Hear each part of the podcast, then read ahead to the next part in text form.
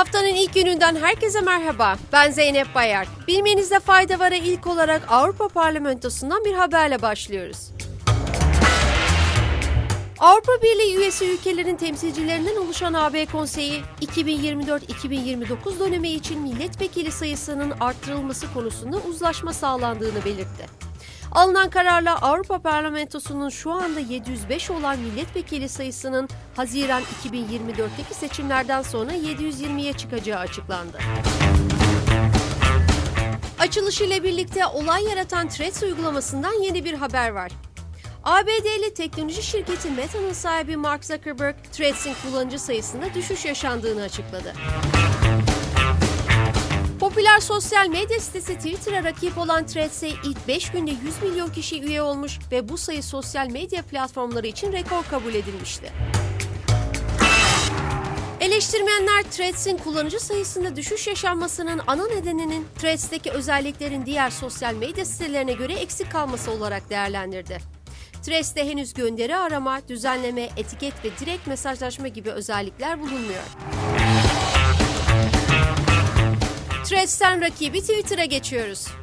Elon Musk'ın Twitter'ın logosunu X harfiyle değiştirmesinin yankıları sürerken Twitter'ın San Francisco'da bulunan binasındaki kuş logosu da kaldırılarak yerine dev bir X logosu konuldu. Logo değişimi esnasında sokakta yeterli güvenlik önlemlerinin alınmadığını söyleyen San Francisco polisi çalışanlara müdahale etti. San Francisco şehir yetkilileri ise kentteki binalarda bulunan harflerin kaldırılmasının hem tasarım hem de güvenlik nedeniyle izne tabi olduğunu belirterek şirket hakkında soruşturma başlattı.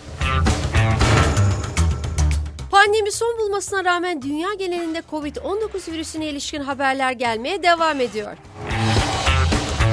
Endonezya'nın başkenti Jakarta'da yaşayan bir hastada Covid-19 virüsünün 113 farklı mutasyona uğramış bir delta varyantı keşfedildi. Yetkililer keşfedilen delta varyantının şimdiye kadarki en çok mutasyona uğramış versiyonu olduğunu kaydetti. Konu hakkında açıklama yapan bulaşıcı hastalıklar uzmanları paniğe kapılmak için bir neden olmadığını ve söz konusu virüsün daha fazla karantinayı tetikleme olasılığının çok düşük olduğunu belirtti. Son haberimiz Avustralya'dan geliyor. Avustralya'nın Victoria eyaletinin iklim eylem bakanı Lily D'Ambrosio, gelecek yıldan itibaren yeni evlere doğal gaz borularının bağlanmasına yasak getirmeyi planladığını söyledi.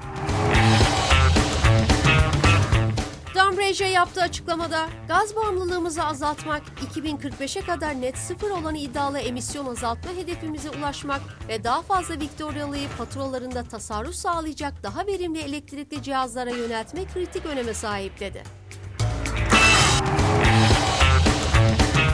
Söz konusu kural, konutlar, okullar ve hastaneler dahil olmak üzere henüz tasarım aşamasına ulaşmamış tüm yeni kamu binaları için geçerli olacak.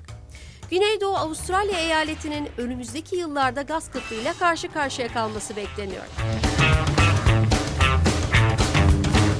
Bugünlük bu kadar. Yarın tekrar görüşmek üzere. Hoşçakalın.